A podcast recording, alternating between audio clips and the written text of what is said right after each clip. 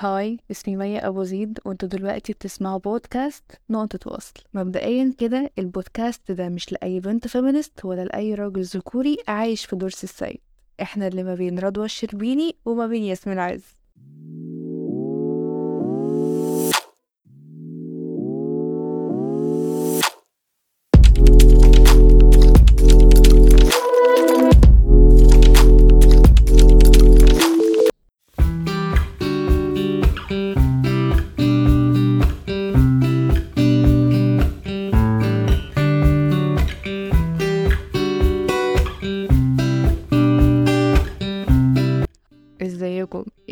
300 أهلا وسهلا بمستمعيني الكرام. مبسوطة قوي بالفيدباك بتاعتكم على الحلقة اللي فاتت ومستنية رأيكم في الحلقة دي كمان. واقتراحاتكم في اللي جاي إن شاء الله. على بيجي فيسبوك نقطة وصل بالعربي شرطة NO2 double T W E S L. وزي ما اتفقنا مع بعض في الحلقة الأولى إن كل حلقة هيكون معانا ضيف الحلقة دي هيكون معانا نيرة أسامة. إزيك يا نيرة؟ ازيك يا مي عاملة إيه؟ الحمد لله. إنتي أخبارك؟ تمام الحمد لله. آه طيب يا نيرة قولي لنا انتي تدرسي إيه؟ أنا بدرس علم نفس والنهاردة جايين نتكلم عن مرض الحب اللي بيؤدي إلى مجموعة من الاضطرابات منها اضطرابات الحب ده موضوع كبير وخطير وبجد فيه تقطيع شرايين. بس هنحاول نتناوله بشكل بسيط من يعني مستعينين بكتب وقواميس وكده حاجات كتير يعني. آه وميرسي قوي نيرة إن هي ساعدتنا في إعداد الحلقة دي علشان زي ما قلت لكم إحنا بنتكلم بلسان أهل العلم. هنتكلم أول حاجة عن مرض الحب. تسالوني وتقولوا لي هل يا مي في مرض اسمه مرض الحب؟ آه طبعا يا نيرة كلنا عارفين في مرض اسمه مرض الحب. ما أقدرش أنكر إن الحب ده يمكن من أحلى الحالات اللي ممكن نعيشها واللي بتخلينا بجد طايرين من السعادة. ما أقدرش أنكر كمان إن هي جزء كبير من أحلامنا بتمثل في إننا نعيش قصة حب مهما كنا عمليين ومهما تقدم بينا العمر. يمكن يكون الحب هو أجمل شيء في الدنيا لكن من أهم صنع ربنا في الكون إن أي شيء بيزيد عن حده بينقلب ضده وده للأسف اللي بيحصل مع ناس كتير قوي في الحياة بسبب الحب. الحب والتعلق بأشخاص غير مريحين أو غير متاحين على أمل إنهم ممكن يكونوا في يوم من الأيام مصدر سعادة لينا. للأسف لما بيزيد تعلقنا بحد عن الدرجة المسموحة بتبدأ الأعراض اللي كنا بنحس بيها وكانت مصدر سعادة لينا تنقلب لأعراض نفسية لازم نقول عليها اضطراب مرضي زي أي مرض تاني وهو ده المرض اللي بنسميه مرض الحب. علشان كده وأنا بتكلم عن مرض الحب دلوقتي وبنحدد أعراضه مع بعض بناء عن ملاحظاتنا في الحاجات اللي قريناها وبناء عن كلام الدكاترة اللي قريناها والكتاب اللي إحنا كمان استعنا بكتير قوي منه في الحلقة دي واللي هو اسمه كتاب حبيب نفساني لدكتور حاتم صبري. دكتور حاتم صبري من أحسن الدكاترة النفسيين وكمان المشهورة على ال social media. فإحنا أخدنا خلاصة وعصارة حاجات كتير قريناها وهنقدمها دلوقتي لحضراتكم. في آه صياغة بسيطة كده كلنا نكون فاهمينها. أول حاجة عايزين نعرفها النهاردة في حلقتنا إيه هو مرض الحب؟ مرض الحب ده بيكون حالة مرضية بيشعر بيها الإنسان بسبب وجود شخص هو شايفه مميز في المحيط اللي هو فيه بس مش متاح ليه في العلاقة أو هو في علاقة بس علاقته بيه مش مريحة. ممكن يكون بسبب حب من طرف واحد أو بسبب إن شخص مرتبط بالشخص التاني أكتر من الشخص التاني اللي مرتبط بيه. يعني شخص فيهم بيكون مرتبط بالتاني أكتر من التاني أوكي؟ أو بسبب حبيب بدأ يتغير ويبعد أو واحد قرر يمشي والتاني قرر يتمسك أكتر. أو بسبب واحد قرر وعد وواحد قرر هو اللي يوفي بالوعد. أو بسبب إعجابنا بشخص ما ورؤيتنا ليه إنه فرصة ما يتعوضش. الحالة النفسية دي بتأثر على طريقة تفكير تفكير المريض وبتغيرها بصورة واضحة جدا لدرجة إنه ممكن يبدأ يفكر بطريقة مختلفة وغير طبيعية. وبنلاقيه بيصيغ مبررات لنفسه ولحبيبه وغير مقنع على الإطلاق لأي شخص. يمكن هو في الأساس أصلا مش مقتنع بيها بس كل ده بهدف إن هو يكمل في علاقة مش مريحة. الحالة دي كمان بتأثر على مشاعر المريض وبتنتهكها بصورة واضحة جدا لدرجة إنها بتتحوله لشخص مهزوز عاطفيا وبيعاني في معظم الوقت من ألم نفسي. الحالة دي كمان بتأثر على سلوكياته في الحياة وفي الطبيعة وفي تعامله مع بقية البشر لأن هو بيكون متحول لشخص مريض. زي ما اتفقنا إن مرض الحب زيه زي أي مرض تاني. بيأثر على الجوهر وعلى الشكل من بره ممكن تأثر عليه لدرجة إن كل سلوكياته اللي اعتدى عليها بقاله سنين بتتغير وساعات الأمر بيوصل بيه إنه يتغير لشخصية تانية أساسا هو مش عارفها لمجرد إشباع رغبته المريضة في الحفاظ على علاقة غير مريحة. الاضطراب ده بيبدأ يأثر على حياته الشخصية والاجتماعية والوظيفية زي ما اتفقنا.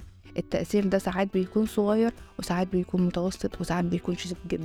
وعايزة أقول لك يا ماني كمان إن الإنسان اللي بيعاني من مرض الحب ساعات كده بيظ- بيظهر عليه مجموعة من الأعراض آه، منها إن هو بيبقى دايما مشغول بالشخص اللي بيحبه بيبقى عايز يعرف هو بيعمل إيه معظم الوقت. وطبعا كلنا بنعمل ده. يبقى عايز بيبقى عايز يعرف هو بيفكر في إيه بيكلم مين آه. بس ثواني يا نيرة إحنا لما نوصل إن الموضوع يكون بشخص مرضي آه هو إحنا آه بنبقى عايزين يعني أنا مثلا أول ما بصحى من النوم كان هيرا إن هي صاحبتي اللي بتكلمني كل يوم واللي بنتقابل كل يوم تقريبا. أنا ببقى عايزة أصحى هي بتعملي إيه؟ بس اللي هو أنا مش لازم لو نيرة ما ردتش عليا هقفش. مش لازم لو نيرة ما ردتش عليا ه... لأ ده, ده في حاجة. مش لازم أصحى آه، اسيرش عنها على الفيسبوك وانستجرام وأعرف هي بتعمل إيه و... بالظبط لأن أنت بتحبي إن هي حب عادي مش حب مرضي. بالظبط. فأنا من الحب بياخدك للجزء بتاع إن هو الحب بياخدك إن هو يبقى مرض بيخليكي تعملي الحاجات دي. كمان بيعرف بيبقى طول الوقت مش عارف بينشغل بحياته. هو دايما منشغل بالفرد ده بس. هو هو بالنسبة له محور الكون. راح فين؟ جه منين؟ عمل إيه؟ تلاقيه دايما مثلا مشغول بحياة الشخص ده أكتر منه. يعني مثلا هو في شغله تلاقيه برضو بي بي تلاقيه بيسرش عليك وهو مثلا في المواصلات ومش مفيش حاجة شغلاه غير ال- الفرد ده كأنه محور الكون زي ما قلت لك. بتلاقي دايما فيه محاولات مستميتة منه إنه يعرف كل حاجة عن الشخص ده سواء كانت بطريقة شرعية أو غير شرعية. يعني إزاي؟ بيسأل مثلا عن تفاصيل سابقة عن حياته هو التفاصيل دي ملهاش لازمة ومش هتفيده بحاجة. تمام؟ بيحاول يتصل من نمر غريبه ودي كلنا عملناها وبنعملها. عشان يسمع صوته. بيحاول يعرف معلومات أكثر معلومات أكتر من أصدقائه من من من أشخاص. هو من أشخاص أصلا هم ممكن يكونوا مش موجودين في حياته دلوقتي. آه، بيحاول كمان يعمل اكونتات مجهولة علشان خاطر يتكلم معاه وكل ده بيبقى نابع من حبه المرضي إن هو عايز يعرف معلومات ملهاش قيمة بجد. لا هتفيده هو ولا ولا هي أصلا ممكن تكون شاغلة بال الطرف الآخر ده. كده كده الطرف الآخر هو مش شاغل باله أصلا. فتلاقيه معظم الوقت هو هو مفيش وقت هو معظم وقته أصلا ضايع في العلاقة دي. وعمال يجري يجري يجري يجري في حاجة لا هتفيده ولا هتعمل أي يعني مش هت مش هتخلي حتى إن هي مش هتطلع له قدام أو إن هي مش هتخلي استمراريه للعلاقة أصلا. ولا أي حاجة من الحاجات دي ولا فارقه مع الطرف التاني ولا أصلا يبالي بيها. هي هي شغلاه هو بس هو بس اللي بيجري. صح ده فعلا بيحصل. من الحياة المرضية كمان يا نيرة إن هو أو الحاجات اللي تبتدي تودي الحب المرض لهفة الحبيب لحبيبه بطريقة مش طبيعية لدرجة إن هو يبقى ما عندوش مشكلة إن هو يقابله كل يوم ويقضي معاه معظم الوقت. حتى ده لو هيأثر على باقي حياته. يعني مثلا واحدة كل اللي هاممها إن هي تقعد تكولز مع حبيبها تنزل تقابله نسيت صحابها نسيت دنيتها. هو يوم ما هيسيبها أو يوم ما مش تعرف تعمل حاجة. بس خلاص هتبقى وحيدة آه، هبلة هطلة آه، ما عرفتش توصل لأي حاجة في ما حياتها. عملتش نفسها منطقة أمان. هي ما ما, ما عملتش نفسها عايزين نحط خط أحمر كبير على كلمة منطقة أمان. لأن إحنا حقيقي لما بنحب بنتدرب يعني هي عايزة أقول لك إن إحنا محتاجين نعمل منطقة أمان مع كل الناس في حياتنا. لأن بجد البشر ساعات بيعضوا فجأة. ساعات بيعضوا فجأة.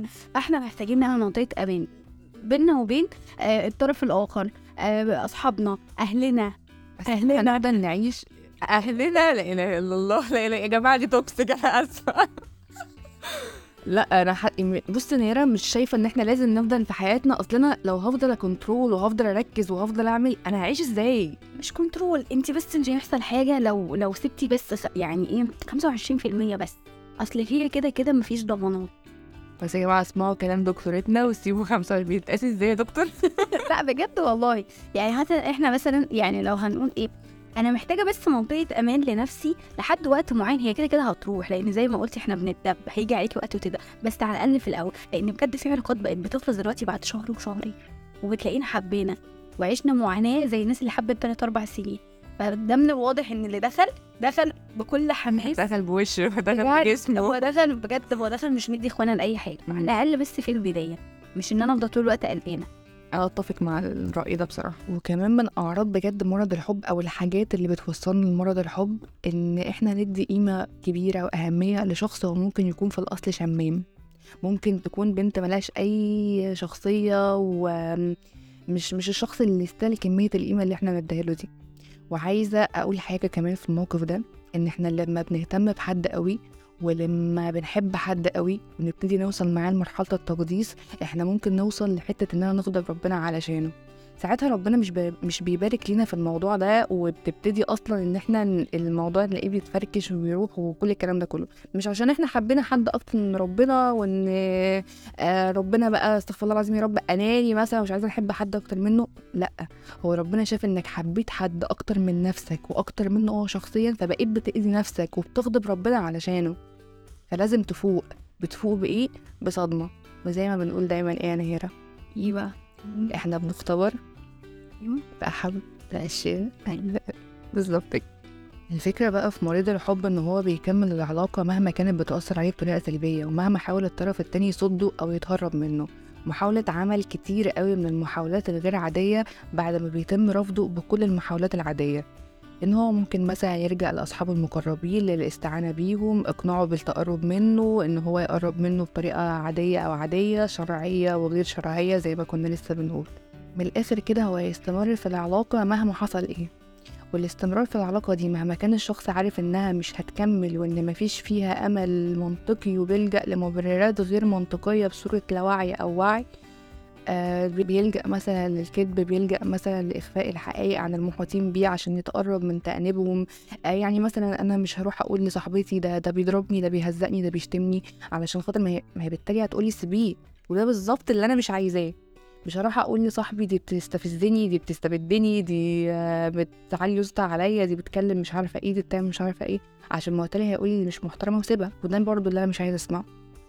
وفكره برضو إن أنا أحاول إن أنا أهرب من العلاقة دي وما أعرفش أو أقابل في, في الوقت اللي أنا بحاول. يعني مثلا أنا مي دلوقتي عرفت إن أنا عندي آه، مشكلة ما في علاقة وقررت إن أهرب منها بس أنا متعلقة بالشخص ده تعلق مرضي. كل ما هبعد عنه وتقابلني آه، مشكلة في شغلي مشكلة مع أصحابي مشكلة مش عارفة إيه أول حد هفكر إن أنا أروح أحكي له عن المشكلة دي الشخص أصلا جايز إن هو يكون عامل المشكلة. الشخص اللي أذاني. لأن أنا بالنسبة لي إن مجرد أنا ما قلت له المشكلة فجيس وات المشكلة اتحلت. وده غباء كمان يا مي من الأعراض المصاحبة لمرض الحب إنه يبدأ يسيطر على المريض أعراض قلق أكتر من ست شهور من بداية العلاقة. يسيطر عليه بعض الأفكار الأفكار دي بتبقى وسواسية حول الحبيب معظم فترة العلاقة. أو مثلا أفكار خوف من فقده. ويبدأ يسيطر عليه كمان أعراض هوس مع قرب الحبيب منه أو إنه يتصرف معاه بشكل إيجابي أو لو عمل أي حاجة بسيطة. على العكس برضه يبدأ يسيطر عليه أعراض فصامية بيخلقها جوه عقله وفي العالم الافتراضي بتاعه. لو الحبيب ده بدأ مثلا يعامله معاملة جافة أو بعد عنه لأي شيء من الأشياء مش شرط مثلا إن هو يكون بعد عنه علشان خاطر هو عايز يعمل ده. ممكن مثلا إنه انشغل عنه فترة. فلا بيبدأ برضه يعمل لنفسه أفكار فصامية كده بيخلقها إن هو ابتدى ليه يبعد عني. هو ابتدى ليه يتغير. أيوه بالظبط ان هو لو اتغير يوم أو اتنين مثلا بسبب ضغط شغل أو حاجة فلا السبب مني وهو هيسيبني وهو هيبعد ويبتدي بقى هو مش بيستوعب ده. ال ال ال هو في الوقت ده مش بيستوعب ده وبيبدأ يظهر عليه بقى أعراض اكتئابيه شديدة. الأعراض دي بتؤدي بيه إلى ظهور آه، أعراض تانية بتأثر على حياته بقى. فمبقاش بيبقى يبقى بيتجاهل حياته الأسرية والوظيفية والاجتماعية فبالتالي مفيش حياة.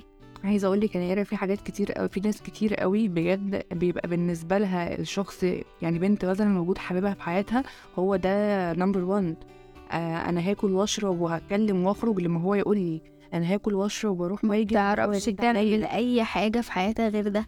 ما بيبقاش فيه أي بالانس فلا دي حقيقة وبتحصل فعلا. إحنا كده اتكلمنا عن مرض الحب. مرض الحب ده زي ما اتفقنا في أول حلقة إن هو بيؤدي لمجموعة من الاضطرابات. فدلوقتي نيرة هتكلمنا عن اضطراب القلق في الحب. اضطراب القلق ده واحد من أشهر الاضطرابات النفسية اللي بيعاني منها ناس كتير قوي ولأن كتير منهم مش عارفين أعراضه فمش بيبقوا أصلا مستوعبين إن ده اضطراب قلق. فخلينا نشوف أعراضه. أو مش مستوعبين أصلا ده مرض. أو مش مستوعبين أصلا إن ده مرض. فخلينا نشوف أعراضه كده ون... ونعرف إيه هي أعراض اضطراب القلق. عادة مريض القلق بيبقى دايما بيشتكي إنه آه عنده ضربات قلب سريعة بيجيله خنقة كده في النفس. معظم الوقت بيبقى ريقه بيبقى ناشف دي كلها مش. ما بتعتبرش أمراض عضوية على قد ما هي أمراض نفسية. وكمان بيشتكي من القولون العصبي. كلنا عندنا مرض القلق. إن شاء الله. تلاقيه كمان بيحس إن جسمه بيسقع وبيسخن أو ينمل من غير سبب. وعرقه بيزيد فجأة. أطرافه معظم الوقت بيبدأ يحس فيها ببرودة. آه بيحس ساعات بدوخة ومش بيحس بتوازن. كمان بيحس إنه فاقد للسيطرة على جسمه وعلى أعصابه.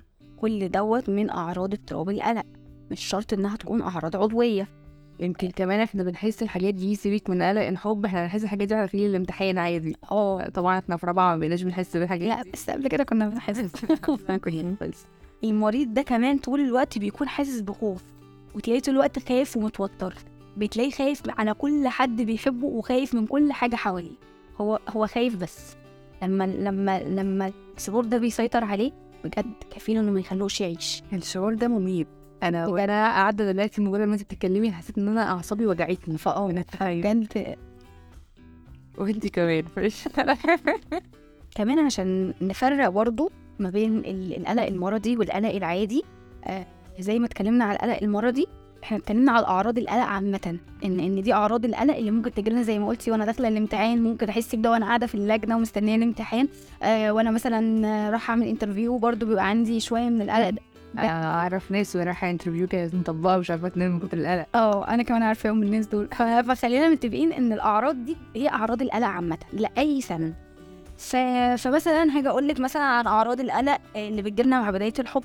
دي أنا ما عنديش مشكلة فيها. يعني مين فينا مثلا أول ما شاف حبيبه في البدايات ما حسش إن ضربات قلبه سريعة؟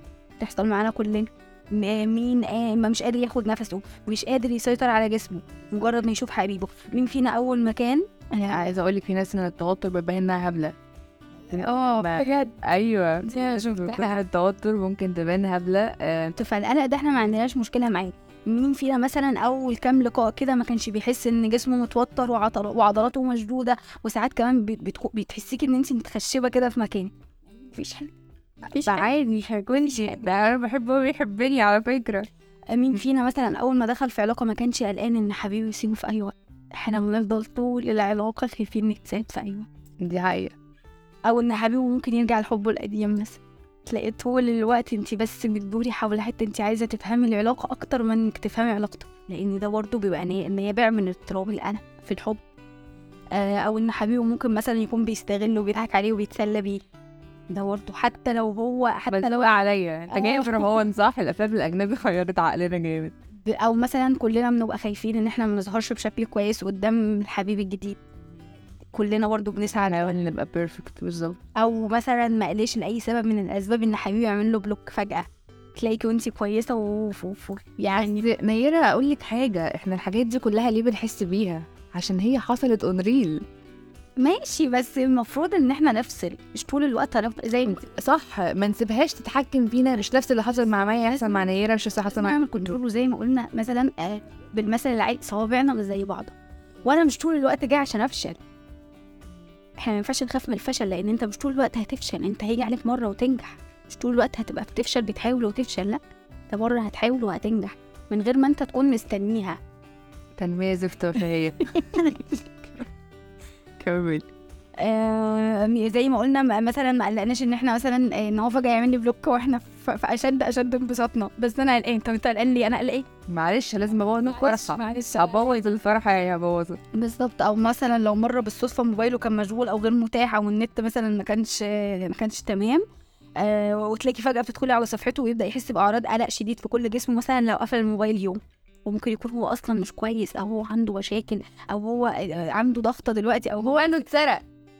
بس. ممكن يكون موبايل لا معلش معلش برضه أنا إيه بس برضه عشان نبقى متفقين إن القلق ده إحنا ما عندناش أي مشكلة فيه ده طبيعي. ده طبيعي جدا إنه يحصل معانا كل ده. وبعدين في الآخر بنقعد نضحك. yes بيحصل. بنقعد نضحك إن كل ده ما كانش ليه أي صحة من الأساس وإن كل ده كان بس كده إحنا عمالين نفكر مش قادرين دماغنا ده. برضه أنا ما عنديش فيه مشكلة إن الإنسان ما بيقدرش يتحكم فيه أنا بقى مشكلتي فين؟ فين يا دكتور؟ أنا مشكلتي مش دكتور قوي برضه. لنا إيه؟ عشان يجي برستيج قدام الناس آه مشكلتي فين؟ أنا مشكلتي بقى في اضطراب القلق. بجد اللي بشوفه بيحصل كتير قوي ما بينا بيستمر معانا لشهور. أنا بكلمتك عن الموقف اللي فات لك ده لحظة. نص ساعة ربع ساعة لحد ما بتفهم فيه إيه. بالظبط إن هو رجع برر لي الاختفاء. أو فهمت أو آه فهمت إيه اللي حصل أو خلاص أنا أنا دلوقتي فاهم هو إيه اللي حصل. لكن لا لكن القلق معايا لشهور. لا ده, ده ده إحنا لازم نقف عنده كتير قوي. مثلا الناس اللي عايشة في علاقة غير مريحة في صراع جامد ما بين عقلهم وقلبهم. العقل بيقول لا بلاش تكمل والقلب لا كمل. وبين قلبهم اللي دايما هي العلاقة دي هتمشي هتمشي يعني لازم تمشي. آه مثلا إن الطرف التاني مثلا مش مدينا الفرصة إننا نقرب منه أكتر أو مدينا الفرصة لكن إحنا عايشين في منطقة الحب. أنا عايزة أقول حاجة. هو إحنا ليه ليه شخص مش عايز يقرب وشخص عايز يقرب؟ ما اللي مش عايز يقرب ما تشغل عنده معرض ما في داهية يا جماعة. إحنا دايما ماشي وإحنا إحنا بنعمل إيه؟ ما إحنا مش بنقول مش في داهية بصراحة. بنراقب الموضوع بنمسك مش شخص بنعمل كده. مش بنقول كده علشان إحنا شخص انت هتمشي ليه؟ أيوه قولي دي مبررات. بس دايما مش مقتنعة. عايزة أقول لك ان شعورنا بس ان إحنا ما نبقاش كافيين للي قدامنا. حتى لو أنا عايش في صراع بس أبقى بجد وحش قوي بس أبقى كافي ما تحسيش أنت مش أي سم يا ستي أنت كويسة. لا. عايزة أقول لك وده كمان بيوصلنا لحتة إن أنا دلوقتي لو في علاقة وشخص مشي من غير ما يديني أي مبررات وأنا حسيت فيها إن أنا شخص مش كافي أنا هفضل أدخل في علاقة واثنين وثلاثه وأربعة علشان أثبت لنفسي إن أنا already كافية. بالظبط. فتفضلي تحاولي وتجري في صراع وصراع صراع كبير قوي ممكن يهلكك بس إن أنا ما أحسش إن أنا مش كافية. رغم إن انت ممكن تكوني كويسة جدا والشخص ده ما يستحقكيش. بس لأ. بس إزاي؟ لأ. لازم ابقى toxic زيه. أيوه بالظبط كده. اللعنة لازم تتنقل. أنا عايزة أقول لك إن برضو آه، الأعراض دي بتيجي للناس اللي بعد ما ادت كل حاجة في العلاقة اتنازلت عن حاجات ما ينفعش تتنازل عنها. دي أكتر حاجة بتخلي الإنسان يجيله اضطرابات التنازل أنا ما ينفعش طول الوقت أتنازل. آه ما ينفعش طول الوقت أبقى بدي بس. علشان خاطر مثلا أنا شايف إن الطرف ده حاجة كبيرة قوي بالنسبة وإن أنا حتى وساعات بيجي لنا إحساس إن إحنا ما نستحقوش. تقعد تسأل نفسك هو أنا أستاهله بجد؟ أنا ربنا بيحبني قوي كده عشان الشخص ده يبقى معايا. الخازوق بالظبط. إحنا لما بندخل في في الجزء أنت بتأذي نفسك بس. ما بتعملش حاجة إن أنت بتأذي نفسك بس بجد. فبجد موضوع التنازل دي أكتر حاجة مميتة أكتر من القلق والخوف وكل حاجة لما بتتعود إن أنت تتنازل ما بتعرفش تمشي وما بتعرفش تاخد اللي انت تستاهله وتستحقه وخلي بالك لما شخص بيتعود يتنازل وشخص تاني بيتعود على التنازل ال... يعني لو أنا مثلا أنا عشان شوية بحب أتكلم بالأمثلة لو أنا دايما نيره بتتنازل ليا عن هناكل إيه هاجي في يوم من الأيام مش هسالها أصلا هتاكلي إيه يعني هاجي لو نيره بتتنازل ليا عن إن هي أنام على الطرف هاجي آه بعد كده تبقى مثلا هي هي النهارده عايزة تنام على الطرف والجو حر ومش عارف إيه واسباب كتير. أو لا ادخلي جوه. يبقى أنا أول سلبت حريتها عملت إيه أصلا؟ أنا علمت الطرف ده الأنانية. بالظبط. وما بيفكرش في أي حاجة غير في نفسه. وأنا اللي عملت كده. بالظبط. تخيلي بقى أنا بعد ما عملت كده أنا بقى إن في حاجة بقى تانية مش عايزة أقولها لك إن أنت ممكن تزهقي مني أنا اللي بختار كل حاجة. أنا اللي بعمل انت فين. أيوه. وتلاقي وتحسي بقى إن أنت مثلا عديم الشخصية مع إنك أنت مش عديم الشخصية أنت بتحب مثلا. هقول لك آه. غصب عنك هتبقى شخصية هتلغيها شخصية لأن هي الحياة مشاركة. أنا ما ينفعش طول الوقت أقول لك هناكل فين هنشرب فين هنخرج فين. أنت هتزهقي. هيجي عليك وقت تقولي أنا اختاري معايا. اختاري لي. ما هو أنا طول الوقت أنت كأنك مخلية العلاقة كلها عليه فهي حاجة من الاثنين يا أنا أحب ده وأستغلك والغي شخصيتك بجد.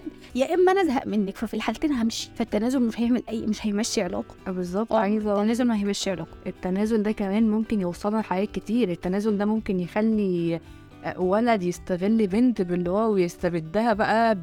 بقول لك اقلعي بالظبط. يعني ده ممكن برضه يحصل فاهم وعشان إحنا هي- إحنا نكون حنينين أنا اسفه أنا بقطعك عشان اتفقنا نكون حياديين إن الولد وإحنا قلنا مثال على الولد ممكن البنت تستغل تنازل ال- الولد وحبها ليه ده في إن هو أول ولد هيقدم إيه بقى؟ الولد هيقدم مثلا ما ينفع لا. آه الولد هيقدم مثلا آه خروجات. فلوس كتير كل اللي يقدر يعمله هدايا. ارموتر أبو طلال وهي بقى وهي تستغل ده تستغل ده. وكل ده برضه بدافع الحب بس ده مش حب.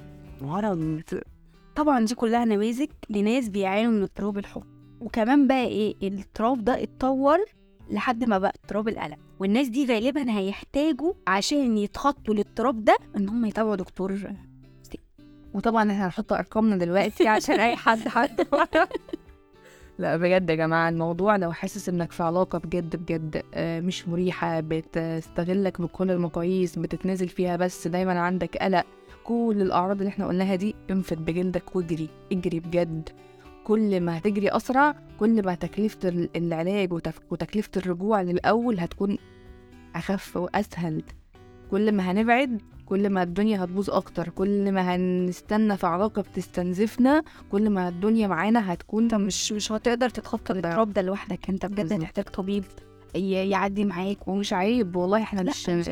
المرضى النفسيين مش مجانين يعني لا طبعا. وهو هيساعدك جامد لكن انت تتخطاها لوحدك انت مش هتعمل أي حاجة بالظبط هتفضل تقع وتقوم وتقع وتقوم يعني اسأل و- أهل العلم بالظبط هو الموضوع طبعا ما فيهوش أي نوع من أنواع الكسوف أو الإحراج لا خالص بجد. يا جماعة أنا نفسي رحت الدكتور نفساني في يوم من الأيام. فعادي فعادي الموضوع مش أي حاجة بس أنت بجد مش عارف تتخطى ده. فإحنا بدل ما, ما نو- نوصل للمرحلة دي إحنا ناخد بالنا من الأول. بالظبط. هي بس يعني هو إحنا بس محتاجين نفكر ثلاث دقايق في كل موقف. إحنا مش محتاجين ثلاث دقايق إحنا محتاجين دقيقة. مش محتاجين نندفع. إحنا محتاجين بس نفكر في الموقف دقيقة. نشوف الموقف بس حصل فيه إيه. دقيقة واحدة أنت لو فكرت مش مش هتوصل لكل اللي أنا قلت عليه. أنت بقى محتاجين إيه؟ محتاجين قرار. ان أنا لو من الأول شايفة الشخص ده حطيت أنا اوريدي خلاص حبيته تمام. بس لو بعد ما حبيته شلت بقى قلبي ده ولما لقيته بيأذيني ركنت قلبي على قلبي على جنب وعملت معادلة بالورقة والقلم وشفت المميزات والعيوب ولقيت المميزات أقل بكتير وكمية العيوب اللي إحنا قلناها دي كلها موجودة. القرار فكرة إنك تاخد القرار إنك تجري. ده إمتى بقى؟ ده يا في الأول. بالظبط. في الأول. لأن أنا لو جيت أعمل ده في النص مستحيل. عايزة أقول لك حتى في الأول بيوجع. بس ما بيوجعش زي الآخر طول ما أنت بت بت بت بتكرر مع نفس القرارات مش هتندم عليها بجد.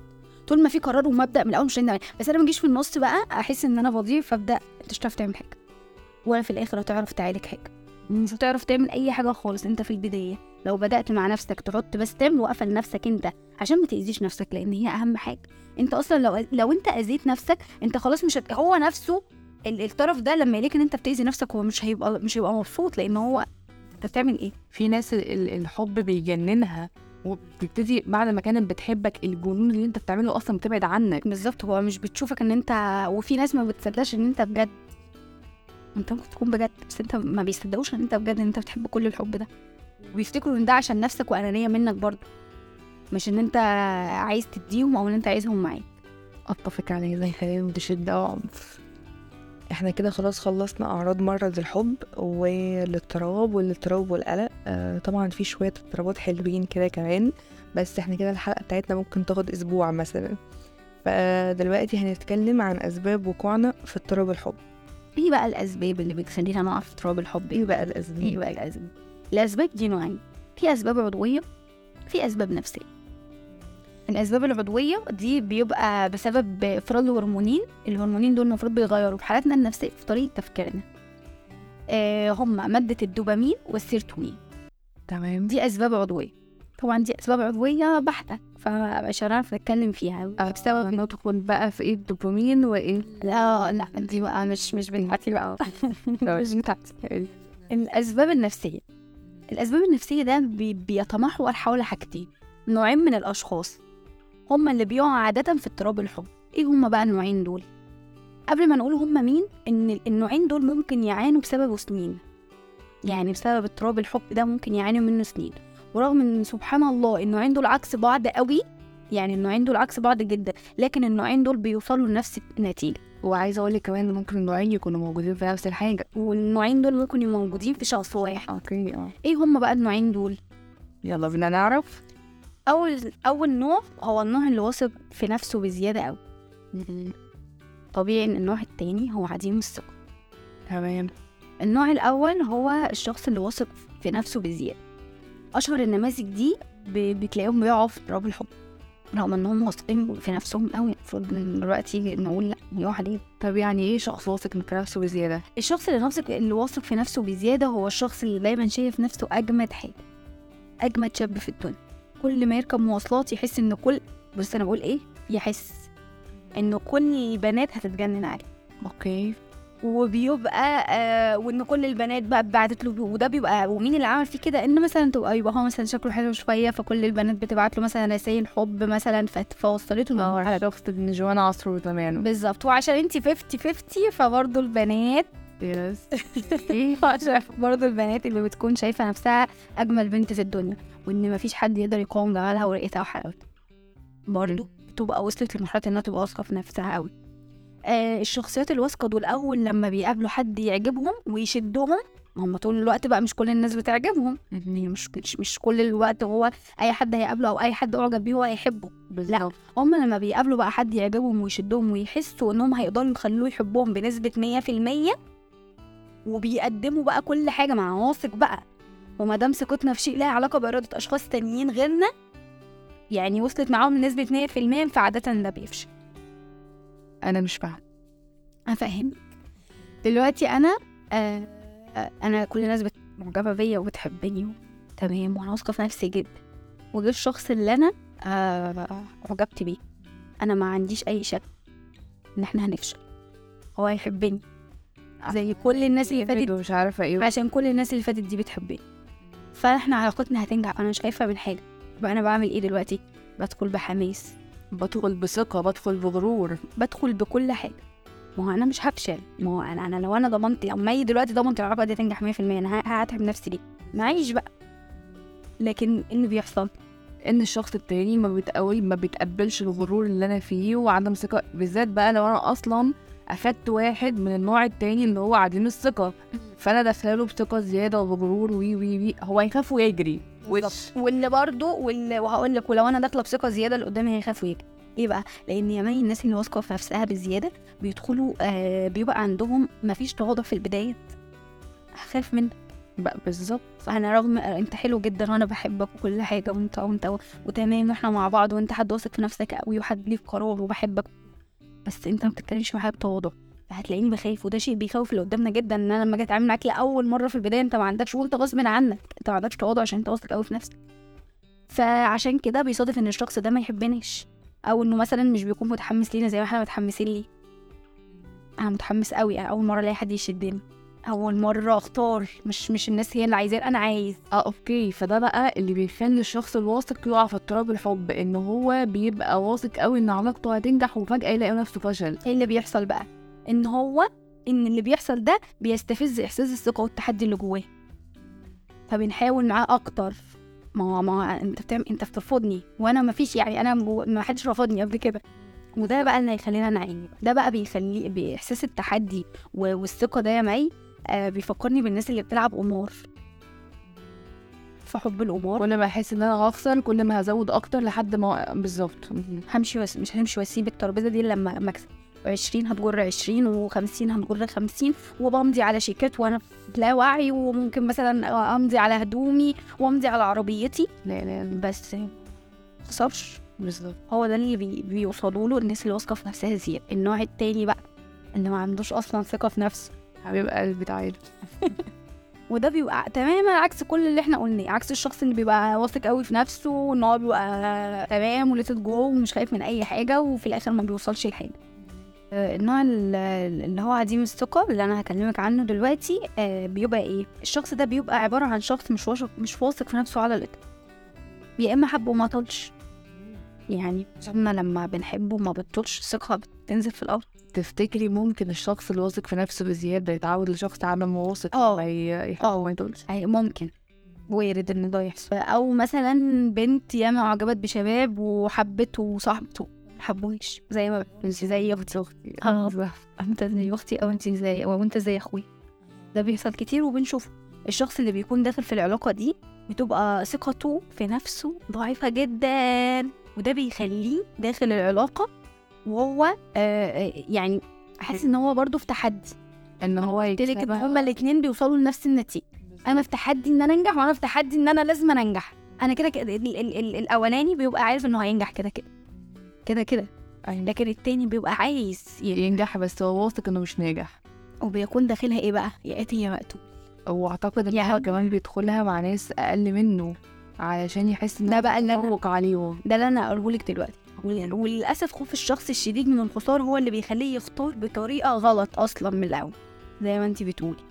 أو يختار حد أقل منه بكتير ظنا منه مثلا إن ده الاختيار ال- ال- اللي هينفع. يعني مثلا يكون ولد ماديا كويس جدا اجتماعيا كويس جدا تعليمه كويس جدا بس هو عشان مش واثق من نفسه بيعمل إيه؟ بيختار بنت أقل منه اجتماعيا وماديا وتعليميا. عشان العلاقة دي تمشي.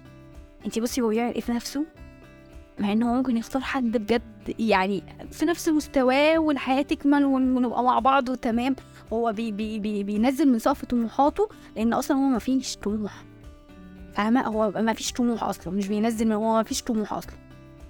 لأي حاجة هو هو عايز العلاقة دي تنجح بأي شكل من الأشكال والخوف اللي جواه ده بيخليه يعيش برضو في إن هي تبقى أقل مني أو هو يبقى أقل مني عشان انجح عشان أبقى أنا دايما أنا اللي أكتر و...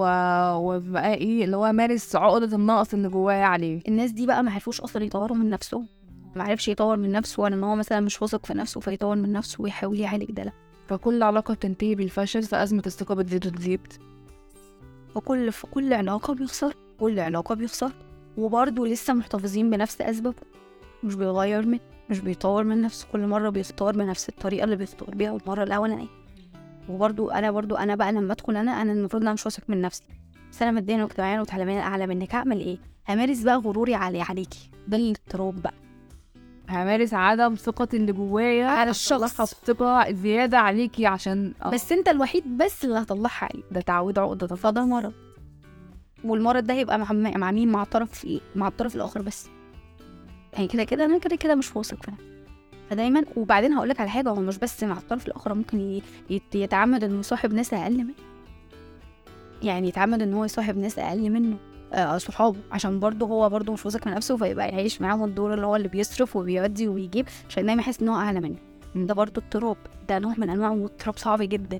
بعدين آه بعد ما خلصنا ال ال ال النوع الأول والنوع التاني. آه وإن هما بجد مختلفين عن بعض انت قلتي في الأول إن ممكن الاتنين يبقوا يبقوا نوع واحد.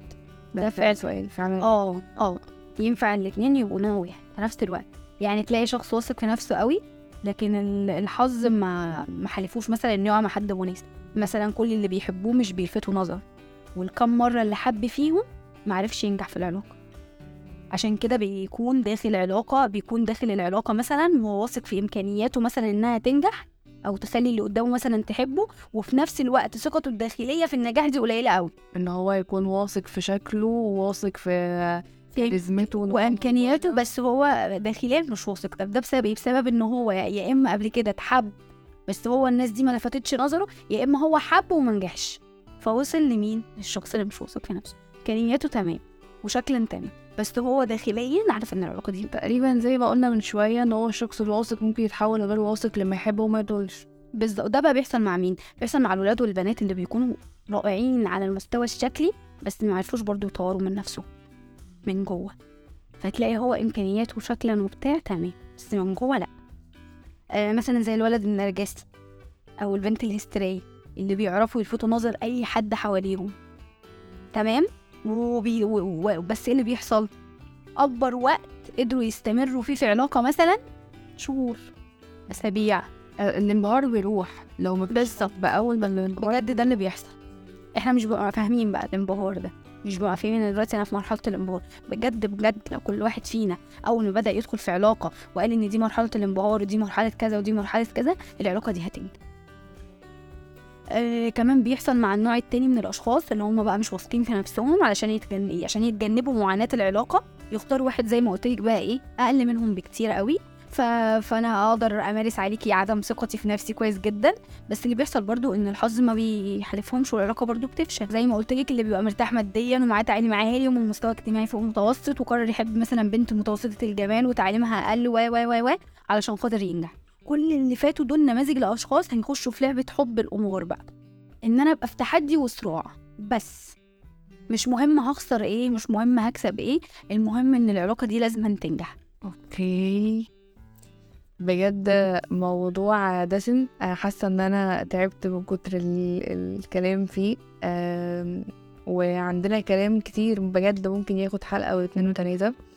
بس إحنا كده الحلقة هتطول جامد. أتمنى إن إحنا نكون عرفنا نوصل لكم وجهة نظرنا للموضوع وجهة نظر الطب نفسه للموضوع الكلام ده إحنا مش جايبينه من دماغنا.